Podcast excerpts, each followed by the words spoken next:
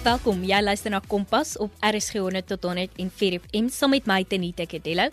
Jy kan natuurlik ook inskakel op ons DStv audio kanaal 813 of inluister op ons webtuiste by rsg.co.za.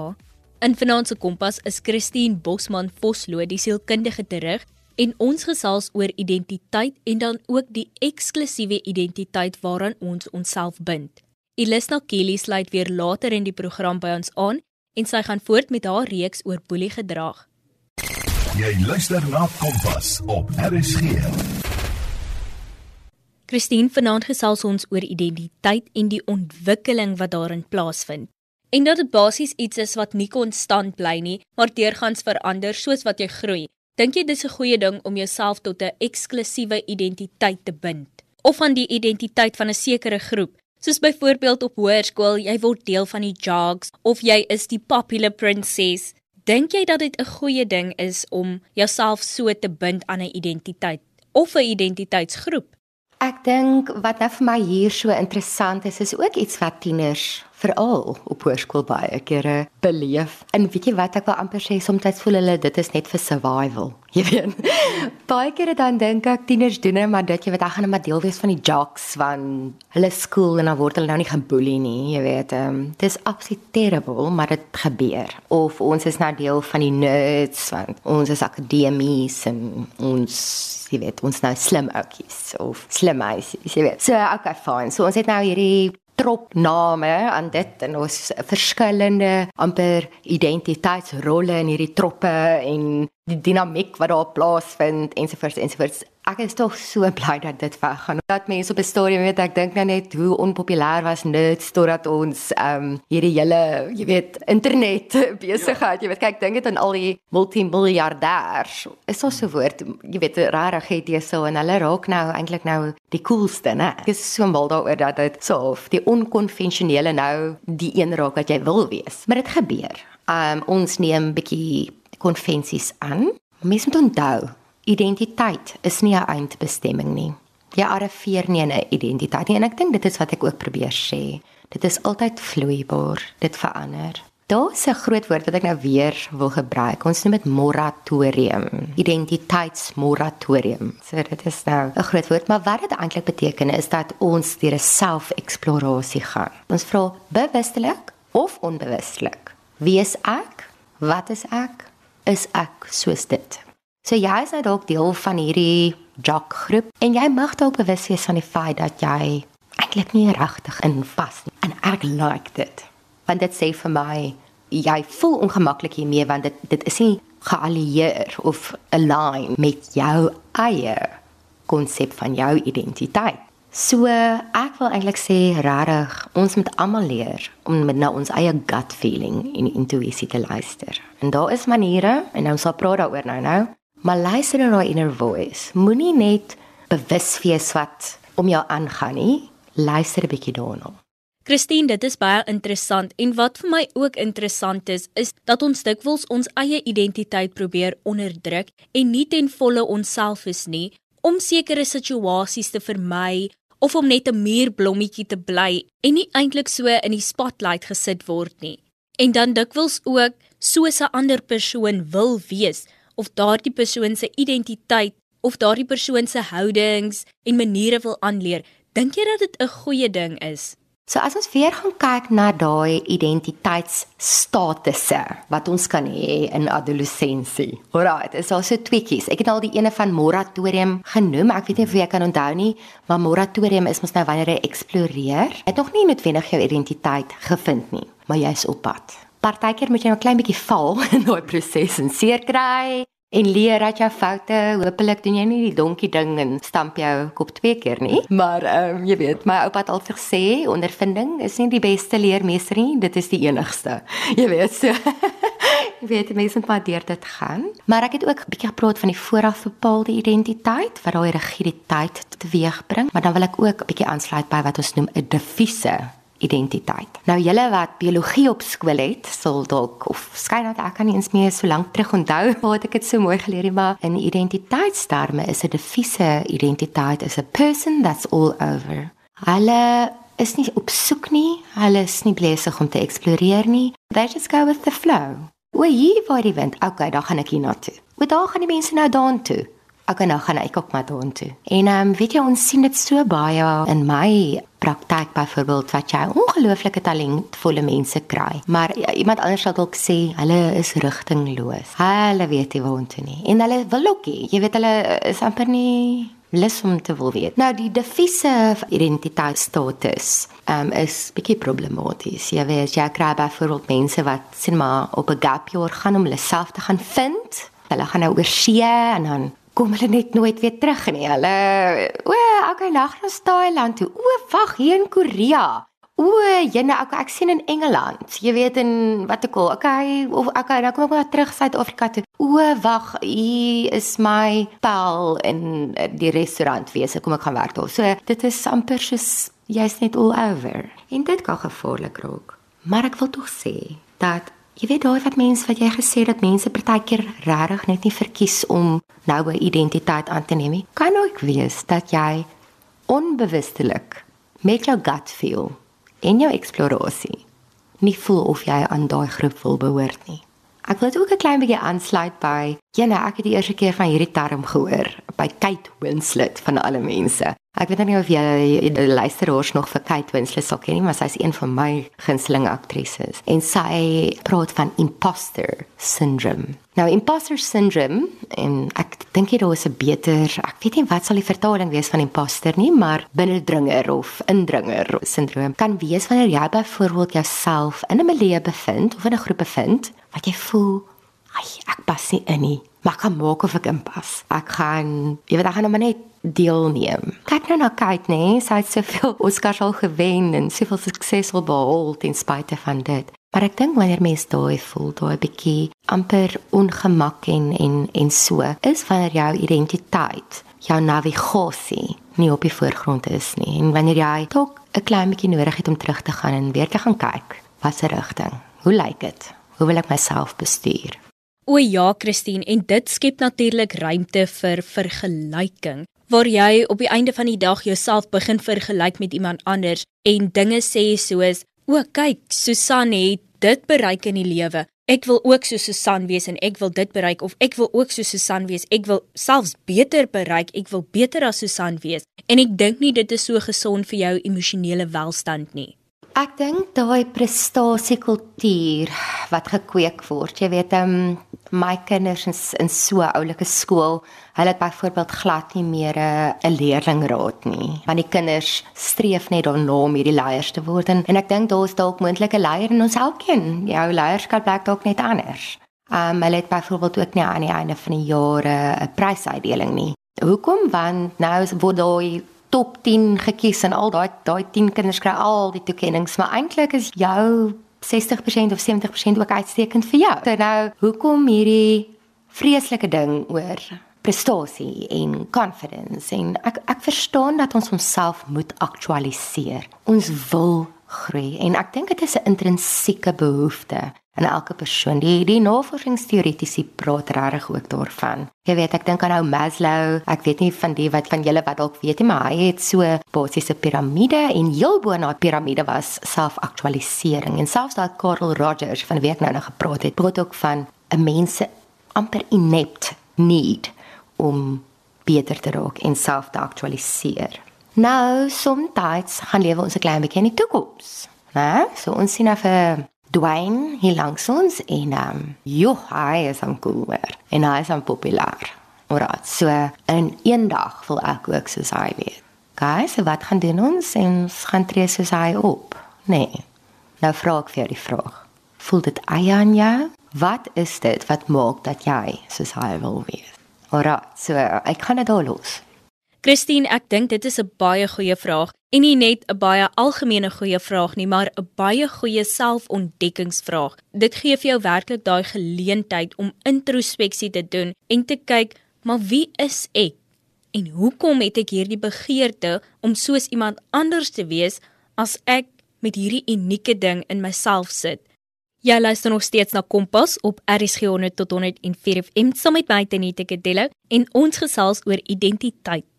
En dit bring my by my volgende vraag, Christine. Hoe bou ons 'n identiteit waarop ons kan trots wees? Ouers, ek maak byvoorbeeld verskoning vir my antwoord want dit is regtig baie belangrik vir jong mense om te eksploreer. Ek sien baie kere met ehm um, tienerseuns byvoorbeeld, as hulle so 'n bietjie hulle stem vind, jy weet, so hulle voice, jy weet, dan oorgebruik hulle dit. Hulle eksploreer 'n bietjie, jy weet, tot waar toe waar is my grens en jy weet, tot waar toe gaan ek dit vat is ek gemaklik daarmee. Alraai. En natuurlik eksperimentering ook. Jy weet, so kom ek gaan kyk of ek hiervan hou of daarvan hou en ehm um, en sluit dit aan by jouself. Jy moet gaan dink oor wie is jy in jou wêreld? Is ek dieselfde as my ouers? Verskil ek van hulle selfs met geloof? Jy weet, ehm um, my geloofsvertuiging is ek glo ek presies dieselfde as my ouers of wat is my geloofsvertuiging? En dit mag op die einde van die dag dieselfde wees, maar jy moet gaan dink eers net daaroor. En dit is gewoonlik dieselfde, maar jy weet, gaan dink net eers daaroor. En dan gaan kyk ons selfs na ons politieke um, ideologie Jy weet, so my ouers of my mense het dalk hierdie verstaan van, jy weet, ehm um, die politiek in ons land en hulle het uitgespreek daaroor,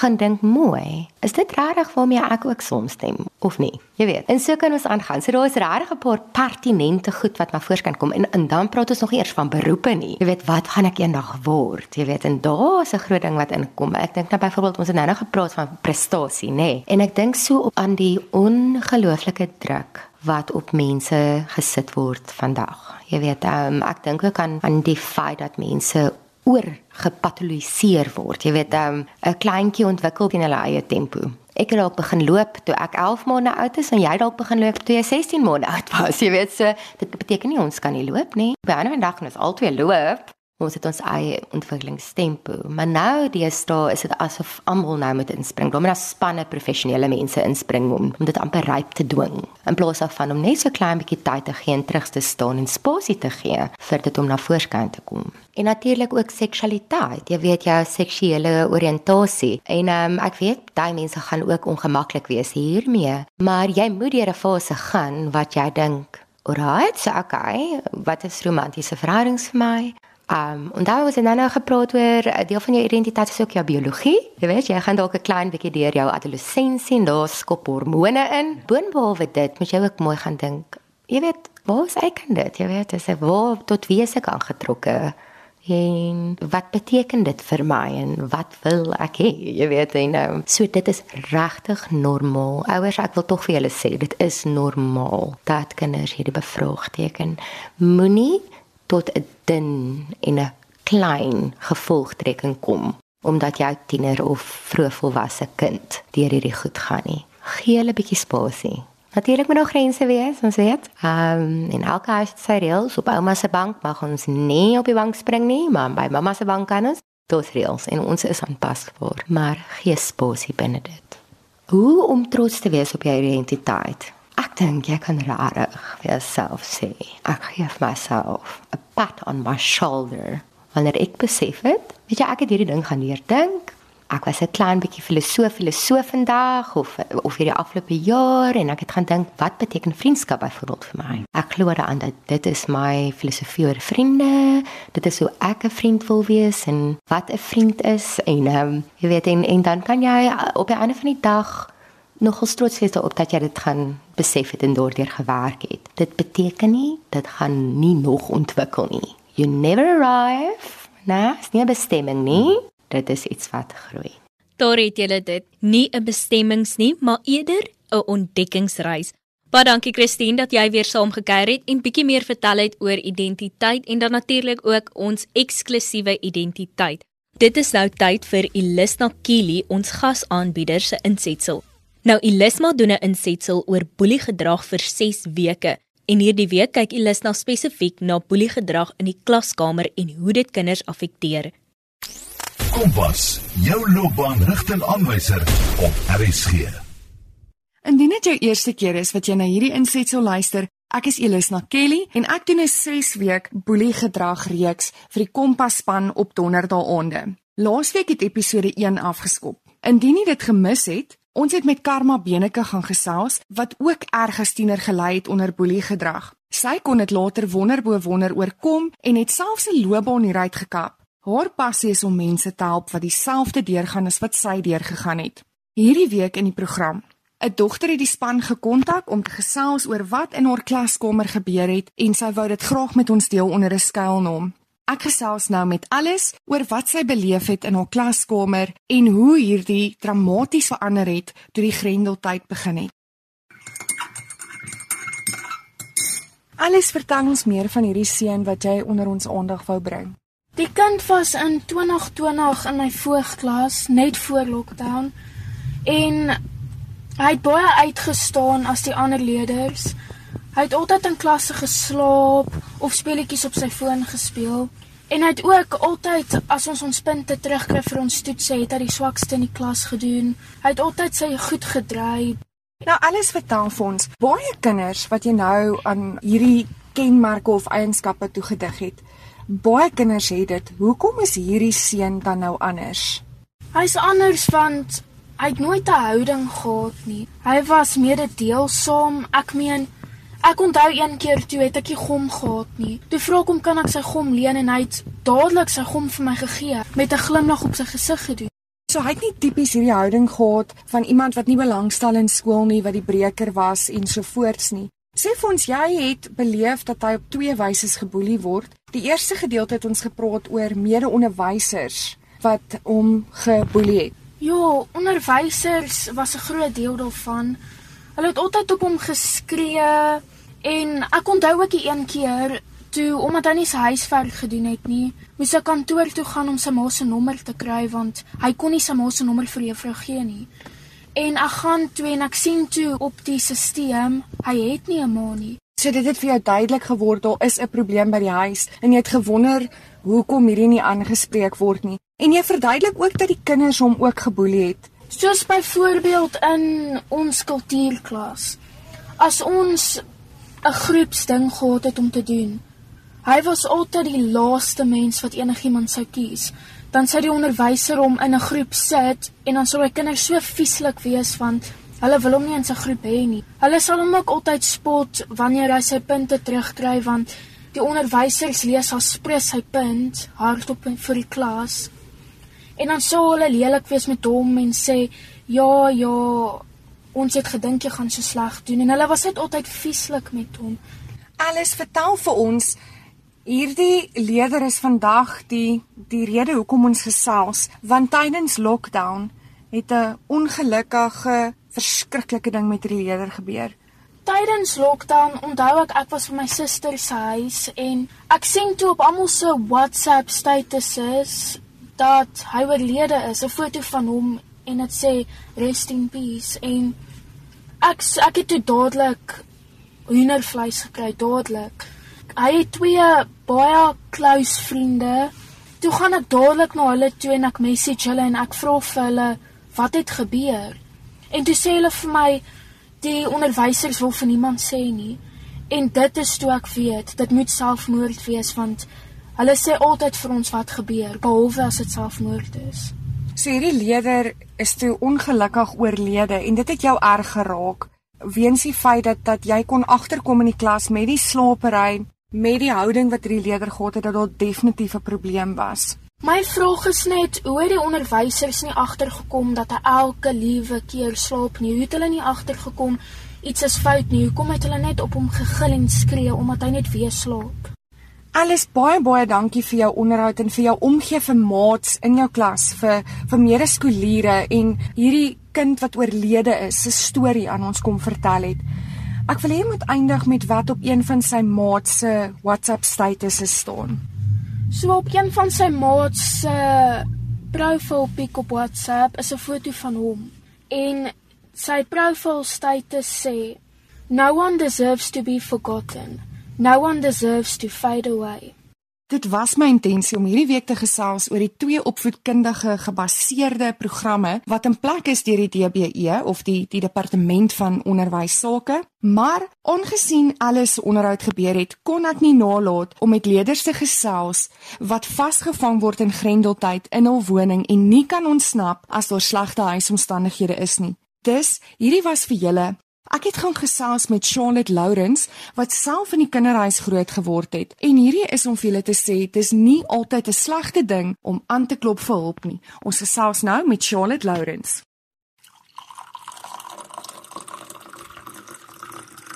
Charlotte, baie dankie dat jy bereid was om met ons te praat. Ek praat met jou spesifiek oor jou jare in die kinderhuis. Sal jy vir die luisteraars sê wat het daartoe gelei dat jy op die ouend in die kinderhuis opgeëindig het? Ah, uh, omstandighede by die huis was baie sleg. My pa was alkoholist. My ma, ek glo sy was sielkundig nie op dieselfde vlak as normale mense nie. En saam was hulle nie 'n baie goeie kombinasie gewees nie. Dinge het sleg gegaan. Um daar was dikwels nie kos om te eet nie. Ons het op 'n stadium het my ma by my pa uitgetrek en dit het net erger gegaan toe. So die omstandighede by die huis was maar net nie goed vir 'n kind om in groot te word nie. Hoe het jy toe in die kinderhuis geland? Uh die eerste keer wat ons weggevat was, het die skool eintlik ingemeng. Uh die hoof het my ingeroep na sy kantoor toe en 'n klomp vrae gevra en goedjies en hulle toe nou uiteindelik die welsyn gekontak. En die welsyn het ons by die huis kom haal en toe nou na my eerste kinderhuis toe gevat. Wat was jou ervaring in totaal in die kinderhuis teenoor wat dit was by jou huis? Hoe was dit in die kinderhuis? Uh vir my in die kinderhuis was dit 'n baie groot verbetering gewees. Ek het wonderlike huisouers gehad wat my geleer het wat my groot gemaak het in die kerk. Uh dit was baie rustiger daar was nie die aanhoudende stres en bekommernis oor wat verkeerd kan gaan by die huis of wat gaan vandag weer gebeur of weet seker tipe goedjies gaan die kinders by die skool agterkom wat by die huis aangaan gaan ek moet skaam kry daarvoor en so. Jy weet dit was rustiger. Ek kon 'n kind wees, ek het goed gedoen op skool.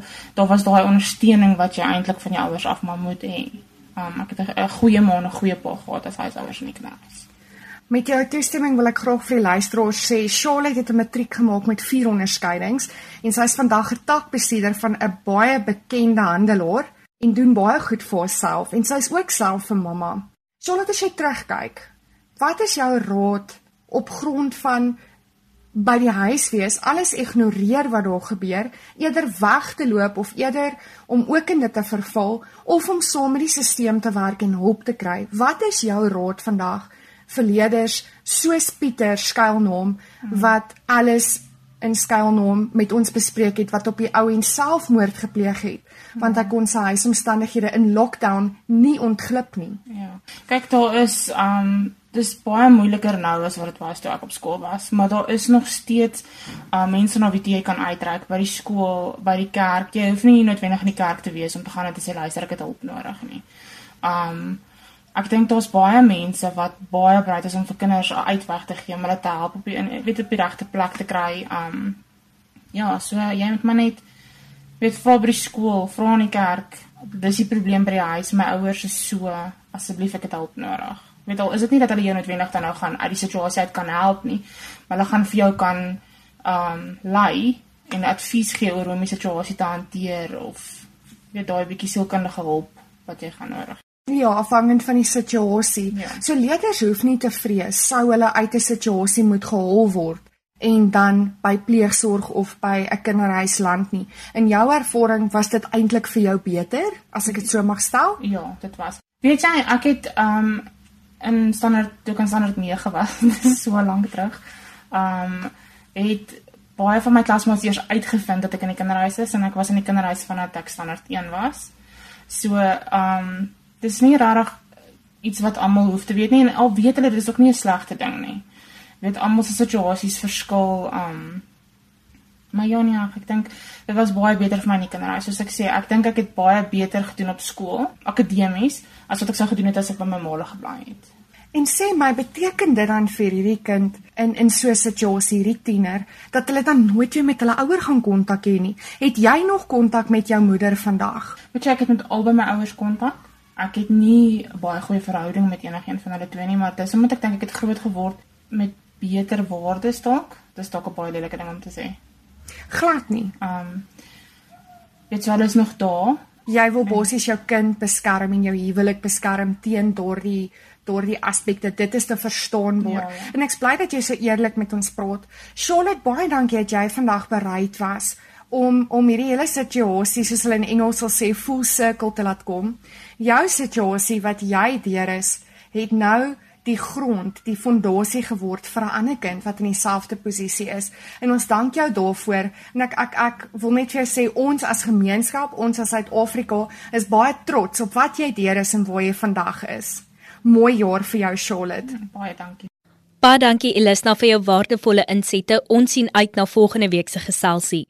Baie dankie aan ons luisteraars dat julle ingeskakel het. Onthou indien jy enige navrae of terugvoer van vanaand se program het, kan jy SMS stuur na 45889 teen R1.50 per SMS of 'n e-pos na kadelloutz@sabc.co.za. Kompas word natuurlik aan jou gebring in samewerking met SABC Opvoedkunde en Percy Mogale was ons regisseur vir vanaand. En dit bring ons Kompas kerk tot 'n einde vir vanaand. Ek moet groet tot volgende week. Tot dan van my Tenita Kadello. Doodles.